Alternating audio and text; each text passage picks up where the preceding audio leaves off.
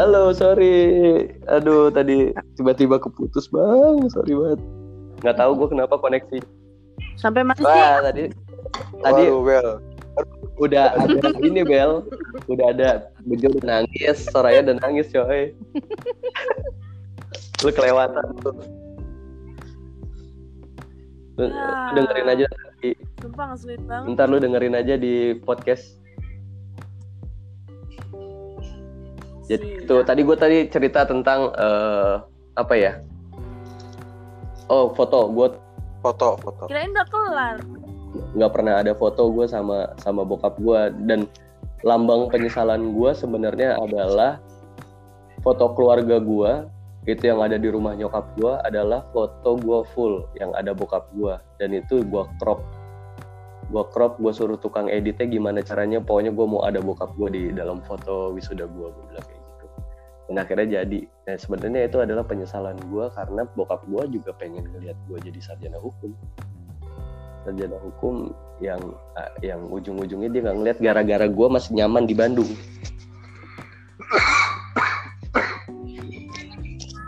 Ya itulah. Makanya mumpung makanya banyak banyak pendingan gue di bokap yang yang nggak akan pernah komplit.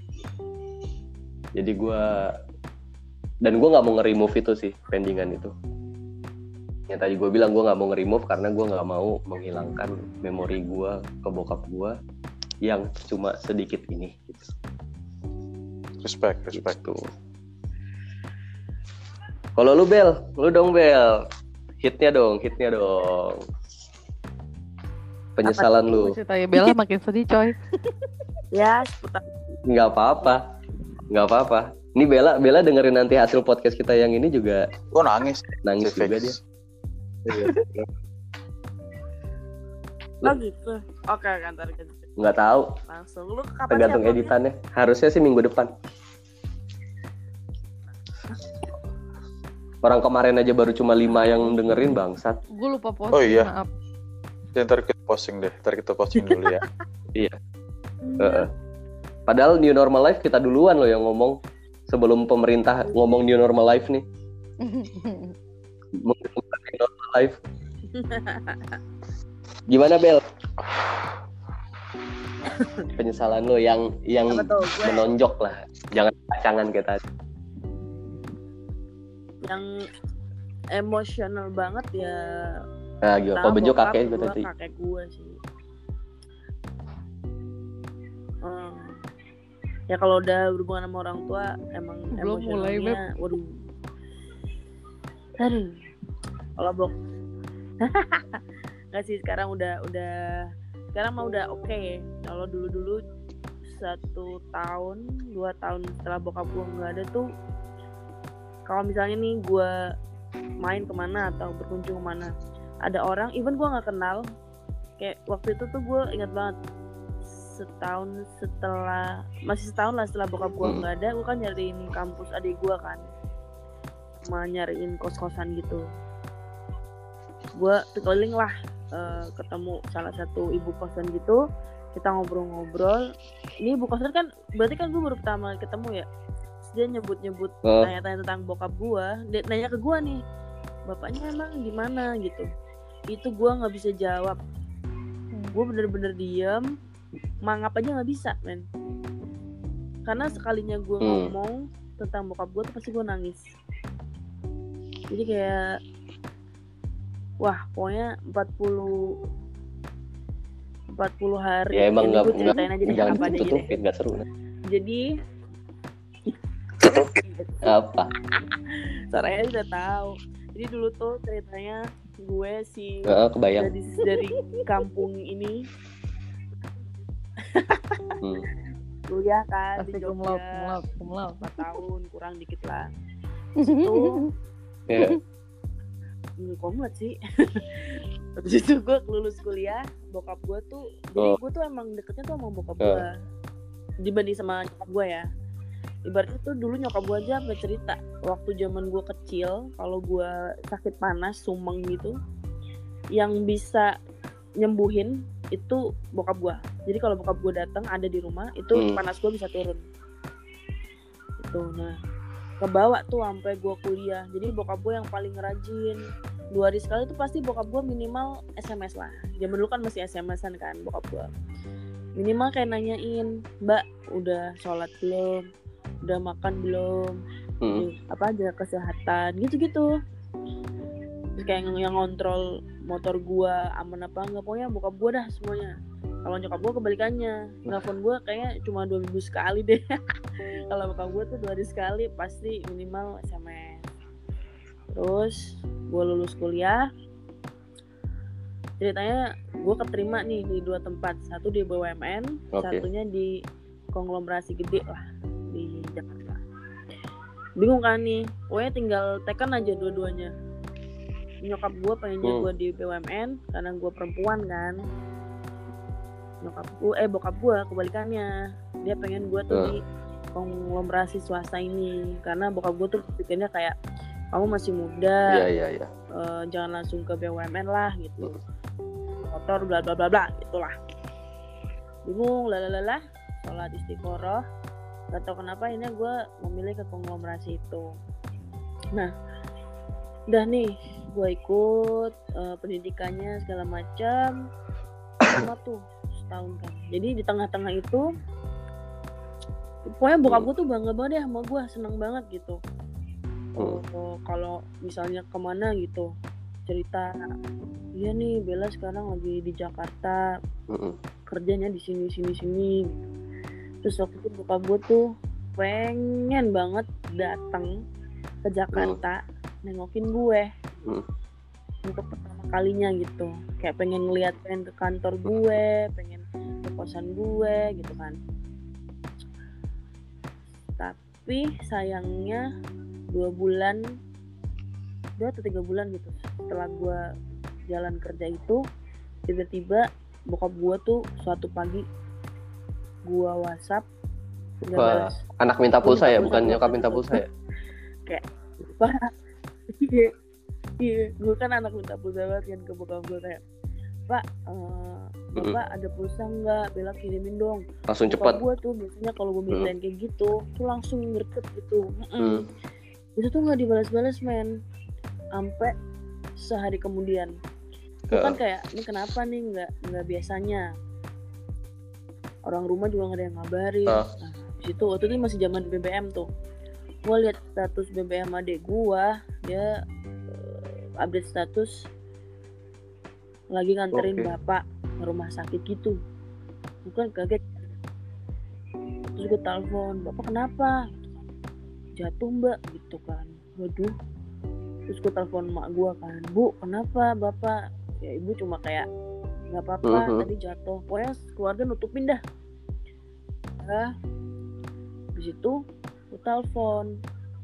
Eh, sehari kemudian gue telepon bapak eh, lagi dirawat masih masih gitu. Gue telepon ibu gue tuh waktu itu.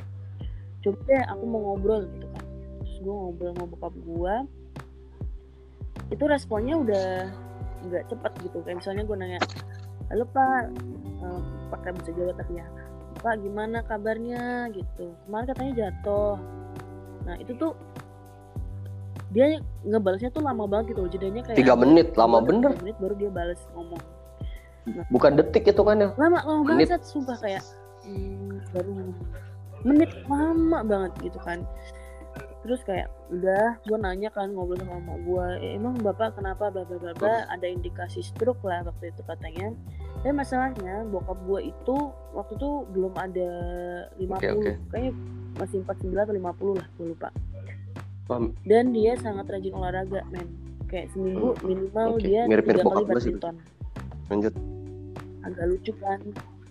Nah eh, stroke agak lucu nih. Terus akhirnya mak gue merujuk bokap gue ke rumah sakit yang lebih besar. Buat pokoknya dicek semuanya lah di CT scan segala macam. Nah di situ baru ketahuan bahwa ada sesuatu di otaknya bokap gue waktu itu indikasinya tuh tumor lah kalau nggak salah Nah, itu waktu pertama kali periksa nyokap gue nggak kasih tahu gue sih kayak masih tutup tutupin gitu habis itu dirujuk lagi ke tempat ke, Hmm. Purwokerto rumah sakit Purwokerto di situlah baru ketahuan ternyata bokap gue tuh udah kena Mm-mm. kanker otak stadium 4 kurang lebih selama enam bulan kalau gue runtutin itu tuh berarti dia awal kena tuh Oke. waktu bulan-bulan gue wisuda gitu nah terus ya udah waktu gue dikabarin kayak gitu tuh kayak wah rasanya Mm-mm. tuh waduh pokoknya runtuh dah gimana sih rasanya Mm. kayak denger orang tua lo kena Mm. kanker otak yang udah stadium akhir gitu kan yang saat itu tuh Mm-mm. itu zaman gue masih MT tuh ikutan MT itu gue setiap Jumat pulang ke ke bukan ke Purwokerto gue pulang ke Purwokerto gue bodo amat. Habis duit berapapun pakai apa Balik. pokoknya yang penting Jumat gue setelah kerja pulang Heeh, ke rumah sakit nemenin bokap gue sampai minggu. Minggunya gue balik Hmm. lagi ke Jakarta. Jadi seninnya gue bisa kerja lagi. Itu kayak gitu kayaknya lima bulan ada deh. Sampai akhirnya bokap gue eh intinya dokternya udah bilang tindakan medisnya udah semua jadi intinya udah nggak ada tindakan medis lagi tinggal rawat jalan lah intinya gitu. Mm. baru itu gue nggak yang rutin setiap minggu nah penyesalan terbesar gue adalah di situ jadi kantor lama gue itu semacam Oke. kayak nggak suka sama gue jadi gimana ngomongnya? kan gue anak MT nih ceritanya. Kalau MT-nya dulu tuh kayak Oke. ada bidding gitu loh. Mm. mana anak perusahaan yang mau ngambil gue? Kebetulan Oke. gue tidak diharapkan di mana-mana.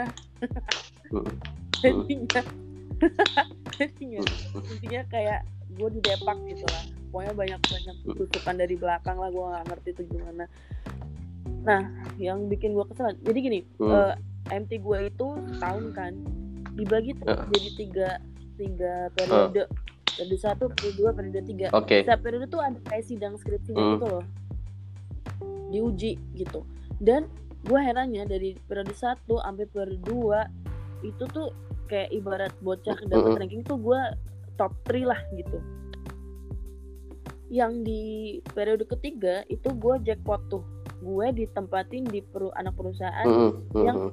sorry tuh saya agak rasis gitu di situ Mm-mm. rasnya apa semua gue rasnya beda sendiri gitu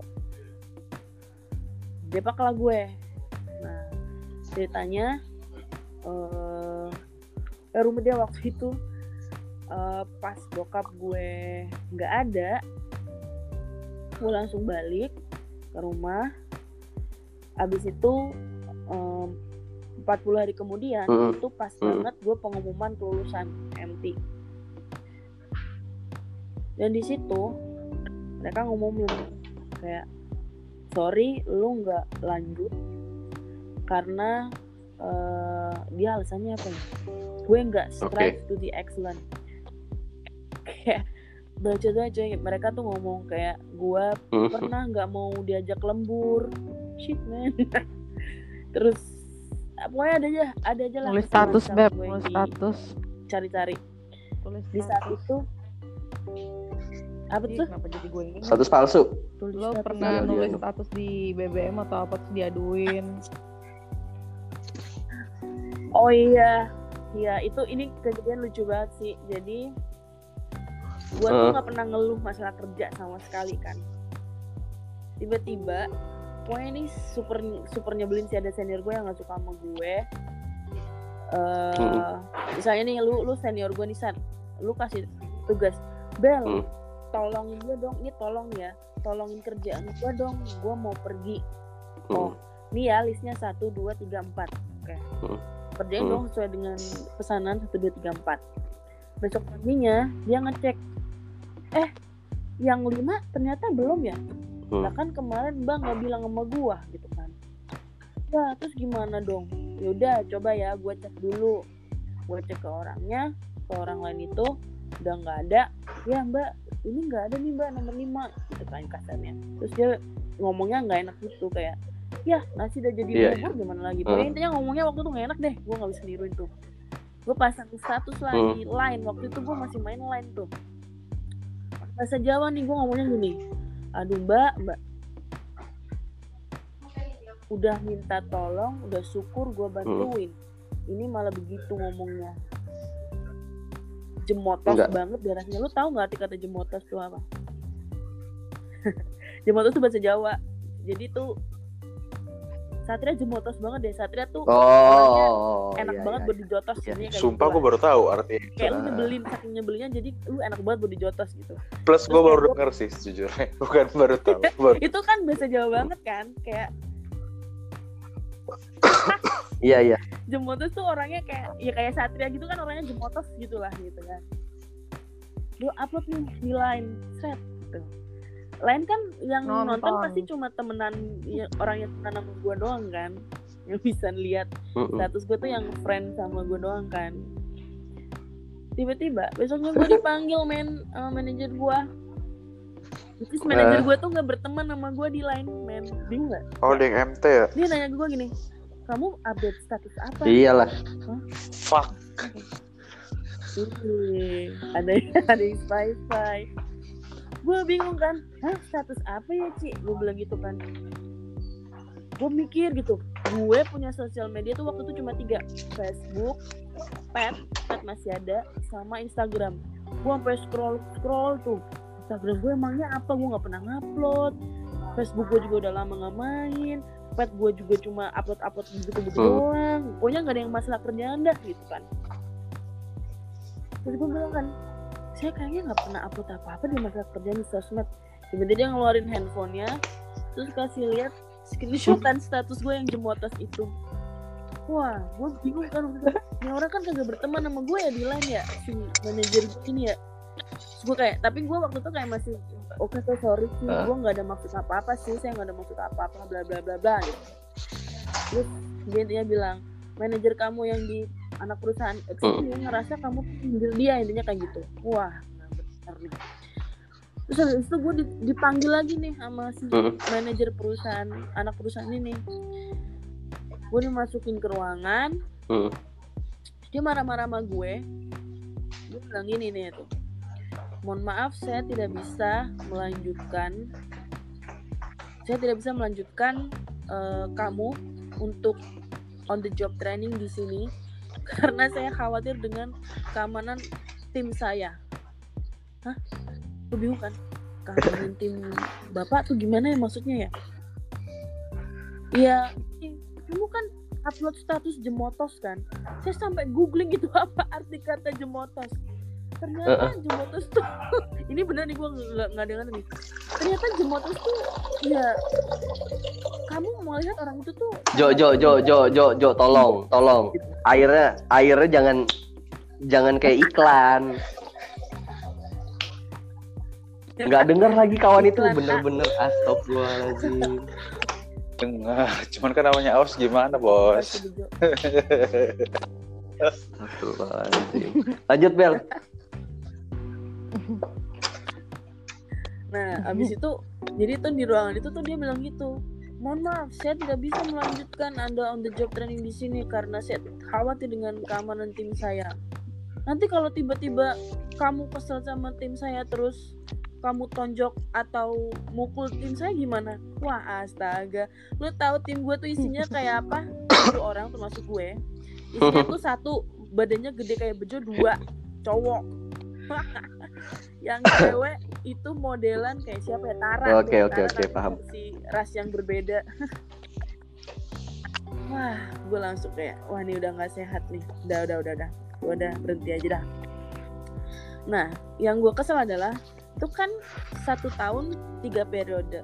Gue Mm-mm. dua itu tuh ibaratnya top 3 nya gitu. Periode ketiga itu gue emang kayak Mm-mm. gimana ya? Nggak hoki banget dah. Nah pengumumannya itu tepat banget 40 hari setelah bokap gue nggak ada.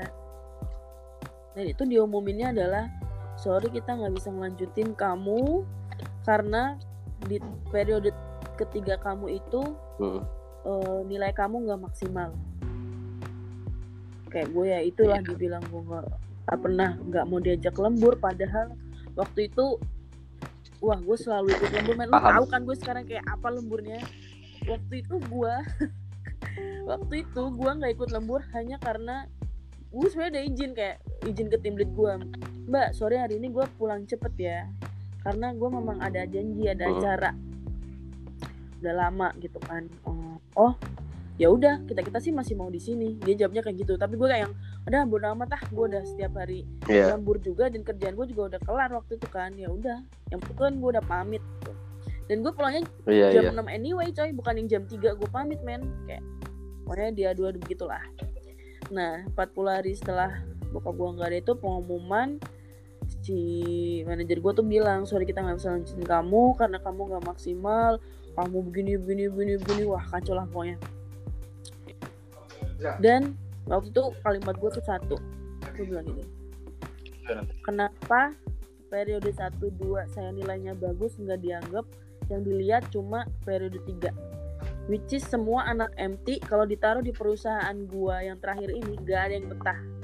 Salahnya di saya apa di orang lain saya nggak tahu. Tapi menurut saya penilaiannya nggak fair. Oh, ibaratnya kayak anak ujian Iya. sekolah ujian eh, pokoknya anak sekolah nggak sih? Lu ditentukan ditentukan sama Iya. UN doang padahal lu berjibaku tiga tahun gitu kan kalau kayak gitu kenapa nggak dibikin? Udah satu periode aja periode Betul. aja setahun nggak usah ada tiga kali cycle gitu kan. Kalau ngomong gitu tapi ya, pokoknya udah berkelit lah segala macam ya udah nggak apa-apa. Gue pulang. Iya gue ngomong gitu. Karena menurut gue nih kayak udah nggak sehat dicari-cari banget. Akhirnya gue pulang itu tuh posisi udah jam 5 kereta gue setengah 6 gue masih di Sunter oh gue Oke. tuh naik dari heeh. Gambir. Kan lumayan jauh ya. Waktu itu gue udah gue keluar ruangan gue nangis. Itu pertama kalinya gue nangis di tempat kerja di situ tuh. Temen-temen gue langsung pada ngumpul gitu kan. Kenapa kenapa Bel?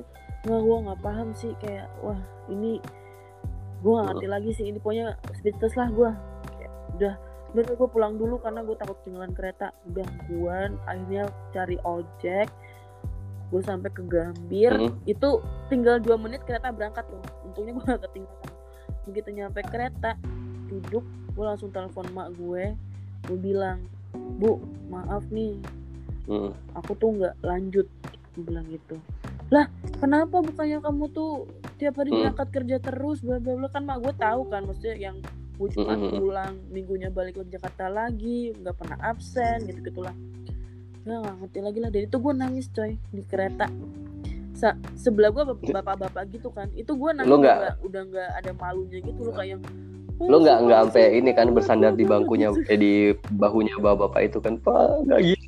Nggak gitu. Kagak lah. itu kan kalau Kalau ganteng nggak di bahu dong, di paha langsung. Kalau ganteng bisa kali ya. Kalau bapak-bapak mikir-mikir juga kali. Aduh, Eh, bapak. Kalau gua Itu kan bahaya kalau kalau udah sampai paha. udah mending mending kabur aja daripada terjadi hal-hal yang diinginkan. Lanjut.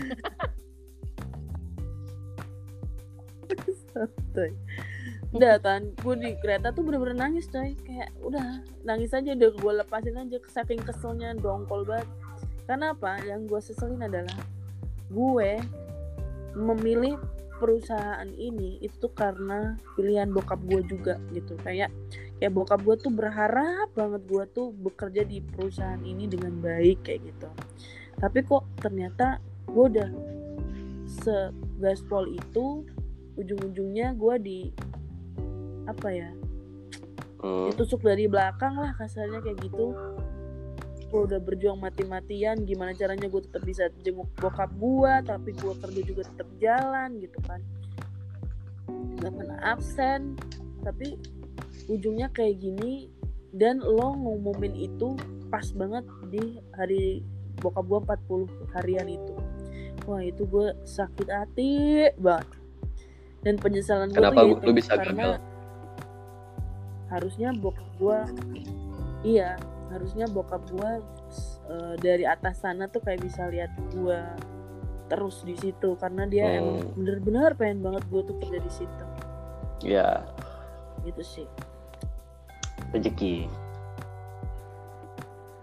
tapi ya hikmah sih ya benar mungkin kalau gue waktu itu Nggak bakal nyaman juga. di situ juga Pasti endingnya Pasti bakal harus cabut juga sih. iya Ya, iya sih itu itu berarti penyesalan lu ya. Iya kalau kalau itu benar-benar di luar kuasa kita lah. Iya. Semua sih semua sih di luar kuasa. Berarti yang yang penyesalan Iya yang nggak di luar kuasa tuh cuma gua doang ya. Kalau gua penyesalannya tuh benar-benar emang apa namanya emang gara-gara guanya aja. Double. Ya tapi namanya juga anak cowok ya. Gitulah.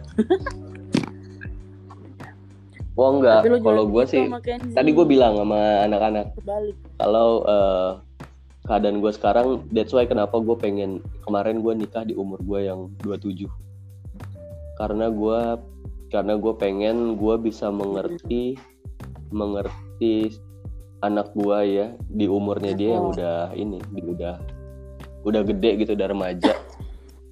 Mereka ngerti gitu mereka aja mereka ngerti. Eh mereka lagi gua ngerti gitu. Dengan posisinya dia. Itu sih. Karena pada saat itu ya nggak tahu bokap gue mungkin ngerti kali ya dulu. Tapi gue nggak nggak nggak ngerasa kalau dia ngerti sih. Karena gue kenapa gue bisa nggak ngerasa dia ngerti? Karena gue tuh pertama kali ngerasain duit gue duit gue sendiri dari keringet gue tuh pas SMA gue dapet duit gue dapet duit dari gue nyanyi ngeband. Dari gue ngeband gue dapet duit itu satu juta tuh. Duit per gaji pertama gue satu juta tuh satu juta ngeband terus gue tuh gue kan tipikal kayak cowok kali ya pengen nunjukin kalau gue bisa gitu. Gue tuh SMA gue nggak ada sebulan gue nggak minta uang jajan. Terus sama bokap gue gue gue dimarahin sama bokap gue. Lu kok nggak minta uang jajan di kasar gitu narkoba lu ya? Jual narkoba ya? Wah itu gue marah sih. Itu gue marah. Itu itu gue mulai berantem. Itu di mobil tuh gue berantem tuh sama dia. Ada emak gue tuh situ. itu bener-bener approach-nya approach-nya iya mungkin karena gitu faktor ya. kayak dia belum dia nggak mengerti gue gitu. Nah, entah itu karena faktor umur atau entah faktor apa bisa jadi iya makanya gue tuh nggak mau gue nggak mau hal itu terjadi di Kenzi ini kayaknya Bejo lagi ngomong deh. Lo. Jo.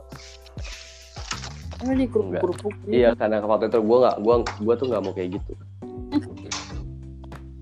Makanya.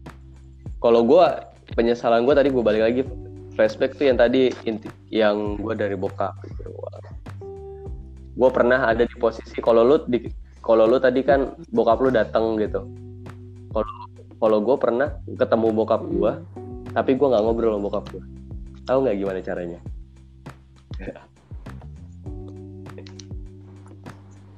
bokap gue datang mau ketemu gua, tapi gue di kampus. Nah, jadi bokap gue tidur di kosan gue Oh, gue pulang jam setengah empat pagi jam 4 pagi. Gue ngeliat bokap gue udah tidur di tempat gue gue tidur gue bangun bokap gue nggak ada. Hmm. udah pulang. Itu beberapa bulan sebelumnya. Dan lu ngerasa nggak sih pada saat pada saat orang itu ninggalin kita kayak setelah itu lu flashback gitu kayak ada beberapa kelakuan dia tuh kayak gue tadi gitu kayak tiba-tiba dia tuh kebiasaannya adalah biasanya dia kalau ke Bandung gitu ke tempat gue kuliah dia selalu nginep di hotel gitu nggak mau nginep di kosan gue nah tiba-tiba ini datang dia mau nginep di kosan gue oh itu tiba-tiba. Nah itu kan hal-hal yang aneh tuh. Lu pernah kalau lu ada nggak Tor, eh, ya Bel? Ada kalau lu flashback gitu. Hal- hal-hal yang di luar Ya, kebiasaannya dia ada lah. sih. Apa tuh? Ada sih ada satu. Tapi ini sedih banget. Ah. jadi kayaknya ini tepat beberapa Heeh. seminggu sebelum bokap gua jatuh deh.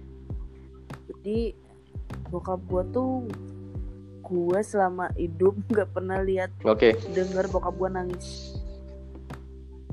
Tiba-tiba dia telepon gua bilang Hmm. adik kamu adik gua kan cowok kan? Adik kamu lagi seneng senengnya ngegitar nih belajar gitar. Oh gitu.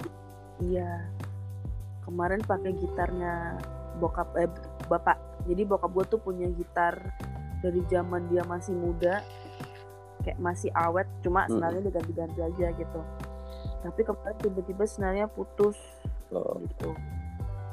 Nah bapak mau beliin tapi belum sempet sempet udah kan? Terus gue bilang gini oh nggak apa-apa besok kan Bella gajian Bella yang beliin aja pak. Terus bokap gue diem. Nggak nggak ngomong nggak apa. Terus habis itu dia bilang pakai bahasa Jawa waktu iya makasih ya mbak. Tapi sambil Oh, nangis kayak gue nggak bisa niruin deh. Tapi sambil nangis makasih ya mbak. Maaf lo malah jadi ngerepotin kamu mbak. Kayak gitu. Tapi bener-bener yang suaranya geter nangis itu Oh. seumur hidup nggak pernah namanya denger gue sampai segitunya seterharu terharunya dia tuh dia nggak pernah yang Hmm. sampai bisa nunjukin terus Gitu. kemudian itu dia jatuh Uh, Soraya hilang. Kalau lu ada gak Jo? Apa tuh? Kayak kayak yang lu gitu, kayak hal-hal yang lu kayak gue tadi kan kayak bokap gue tuh di luar kebiasaannya biasanya dia tuh di Bandung dia ke Bandung kalau nggak keluar kota tuh nggak pernah nginep di kosan gue dia tuh nginepnya selalu di hotel. Nah tiba-tiba nih kayak beberapa bulan sebelumnya atau gue lupa berapa dia tuh bersikeras mau nginep di kosan gue meskipun gue nggak ada dia tetap nginep di kosan gue yang notabene harusnya kalau gue nggak ada dia langsung ke hotel. Enggak, tapi dia tetap nginep di hotel di ini gue enggak ada sih. Kan gue tiap hari juga sama yang gue juga cuman ya emang gara-gara udah tua terus berarti nggak ada nggak ada aktivitas yang di lu yang yang lu rasain kayak di luar Nggak kebiasaan ada. dia ya Belum paling meninggal. itu doang yang gue demenin dia pas udah ini malam. Eh pas pagi-pagi itu. Ya itu gue Iya. yakin sih. Itu yang gue bener-bener pakai alat bantu semua kan. Gue yakin dicopot ya udah Hmm. pergi. Ya itu sih paling yang gue bilang. Hmm. ayo sembuh ya kong gitu terus. Ya gue janjiin mau makan bla bla cepet sembuh biar bisa makan. Terus dia kayak yang paling gue ingat sih dia kayak ngomong gitu kayak dia kayak nunjuk gue gitu kamu apa cucu yang baik bla bla gitu gitu anjing gue jadi inget lagi kan bangsat emang. Kayak gitu doang sih uh parah apa itu bener-bener itu bener-bener itu gue banget anjir itu pas gue baru-baru awal masuk KYC itu. Oh. Tapi nggak apa-apa kalau nangis juga nggak apa-apa. Kita emang nyari air mata di sini. bangke Si, si, si, si Soraya juga ini cabut gara-gara nggak kuat nih kayak pembahasan gue yang terlalu ini terlalu dalam kayaknya terlalu dalam nih. Lagian juga nih kalau di total-total udah lebih dari satu jam Iya, lebih deh. kayaknya nih. Iya dia bikin part 2, dia bikin part 2 tahu lu mau ngambil yang mana men Gue bingung ngekatnya kayak gimana. Ya ya gitu paling Pokoknya ya ya bener sih yang lu bilang selagi masih ada selagi masih bisa berinteraksi ya diusahakan ya jangan disia-siain lah gitu. jangan sia-sia betul karena yang aware aware aware gitu yang aware aware yang di luar kebiasaan itu tuh gue jadi kayak selalu menunggu kadang menunggu sih kayak gue takut akan hal itu ada Ya, apalagi apalagi kalau lu udah iya. udah sempat ngerasain kan pasti yang yang masih ada sisanya kan lu kayak jadi takut itu kan kalau udah ngerasain perasaan gitu lagi gitu kayak wah iya coy parah ah, parah yang tadi gue bilang cok yang tadi ya gue misalkan bilang sorry sorry nyokap lu melakukan hal yang gak normal kan lu jadi takut sendiri kan jadi ya Iya. ya sebisa Iya. mungkin di itu makanya jangan disia-siain lah Hmm. Mm-mm. yang tadi gue bilang juga terkadang sempat berpikir eh gue nggak mau ngerasain kehilangan iya iya iya itu. Jadi kurang kurangin lah. Lebih baik lebih baik hilang daripada Tapi- ngerasain kehilangan gitu. Iya sih. Sakit men, Iya. sumpah. gue definisi apa? Hai, patah hati kayak bener patah hati. Apa sih bahasa nyanyinya tuh? Aduh. Anjir. separuh jiwaku pergi tuh bener-bener. Gue rasain tuh bokap gue nggak ada. Itu tuh bener-bener kayak lu nggak tahu sih karena mungkin deket ya karena gue Nggak juga sih. gua. itu setahun oh karena maksudnya Iya, lu coy. deket pun merasa dia ada dua sisi nih kalau kalau lu deket kan Iya kalau gue nggak deket sama sekali tua. Tapi merasakan hal yang sama. Iya sih, itu bener-bener kayak bener-bener linglung gue tuh ada setahun kali itu gue nggak bisa denger ada yang ngebahas langsung Iya. atau pergi. nanya bapak gitu tuh pasti gue kayak langsung drop gitu. iya gue langsung cabut pokoknya nggak mau denger nggak mau orang ya waktu jadi bokap gue nggak ada tuh gue di Jakarta masih di Jakarta. semua keluarga tuh udah kumpul eh, apa karena kan emang udah nggak ada tindakan medis gitu kan jadi dokternya cuma bilang eh, pilihannya cuma dua di ICU atau di rumah tapi di rumah tuh kayak dipasang alat-alat lah. Kalau di ICU bapak cuma bisa sendirian nggak bisa rame-rame temenin orang-orang kan kalau ICU kan terbatas. Tapi kalau di rumah at least orang-orang rumah bisa di sekelilingnya. Udah nyokap gua nyokap gua tuh nggak pernah pernahnya nelpon pokoknya jarang banget nyokap gua nelpon gua pas jam kerja kalau nggak penting banget. Jam 2 siang hari Selasa gue inget banget dia tiba-tiba nelpon mbak bisa pulang nggak gitu. nah, gue udah gak enak banget tuh rasanya kayak iya eh, iya bu nanti aku pesen tiket pesawat dulu gitu kan gue nggak nanya apa apa Mm. apa pokoknya gue udah ngerti aja gitu kan gue waktu itu gini eh, bu coba deh eh, teleponnya dideketin ke telinganya bapak kan bokap gue tuh udah nggak bisa Iya, iya. pokoknya nggak bisa jalan nggak bisa ngomong jadi otak tuh beberapa ada yang kena Hmm. ke saraf-saraf gitu kan nah yang kena tuh sarafnya tuh bokap gue jadi lumpuh dan nggak bisa ngomong dideketin teleponnya Hmm. ke telinganya bokap gue waktu itu yang gue ras gue denger tuh cuma mohon maaf nih kayak Hmm. suara orang ada Iya, iya. riaknya bernafas gitu loh kayak yang Hmm. gitu-gitu kan gue cuma denger itu gue dengerin aja di situ gue bilang gini pakai bahasa Jawa Pak gimana rasanya? Gue tanya gitu kan. Nah Pak dikelasin aja. Nanti Bella pulang. Mm-mm. gue bilang gitu pakai bahasa Jawa tuh. Dikelasin aja nanti Bella pulang Pak. Bella nggak apa-apa kok. Yang penting Bapak Mm-mm. lega. Udah Mm-mm. gitu doang di telepon.